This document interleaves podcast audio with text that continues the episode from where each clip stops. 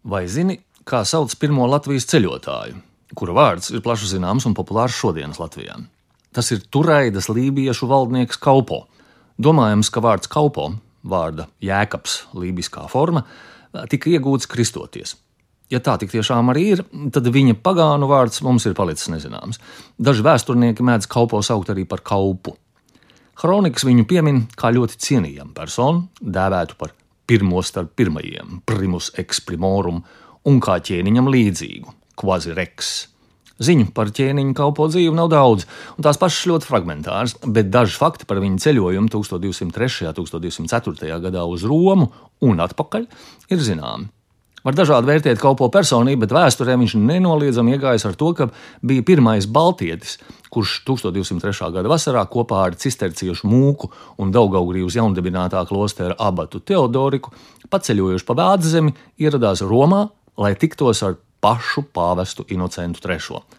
Vēsturē viena no ievērojamākajiem kristīgās baznīcas virsvadītājiem, kuru priekšā ceļus liedz visi tā laika pasaules varenākie valdnieki. Varam vien iztēloties, kādas nāves briesmas draudēja Kaupo un viņa pavadoņiem šajā piedzīvojumā. Pēc šodienas Google kartes no Turēdas pilsētas līdz Vatikānam vistaisnākajā kājām ejamajā maršrutā tie būtu vismaz 2315 km.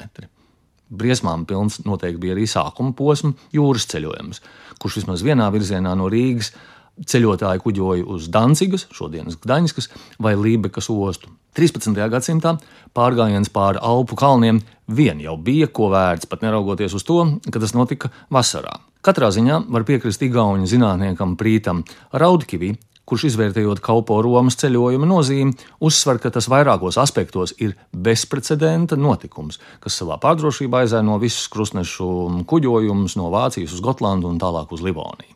Vācu baltiem kalpo vienmēr bijis visusticamākais no līviem. Var teikt, ka viņš uzskatīts par savus tautas nodevēju un sautīgu pašlabumu meklētāju. Izskanējis arī viedoklis, ka Kaupo īstenībā bijis pragmatiski domājošs politiķis, gan dzimis nepareizajā vietā un laikā, savas tautas neatzīts pravietis un pat pirmais celmlauzis latviešiem Eiropā. Maršruts Turaida, Roma ar kājām vai ar mašīnu, jebkurā gadījumā ir lielisks un izzinošs pat vēl šodienas ceļotājiem.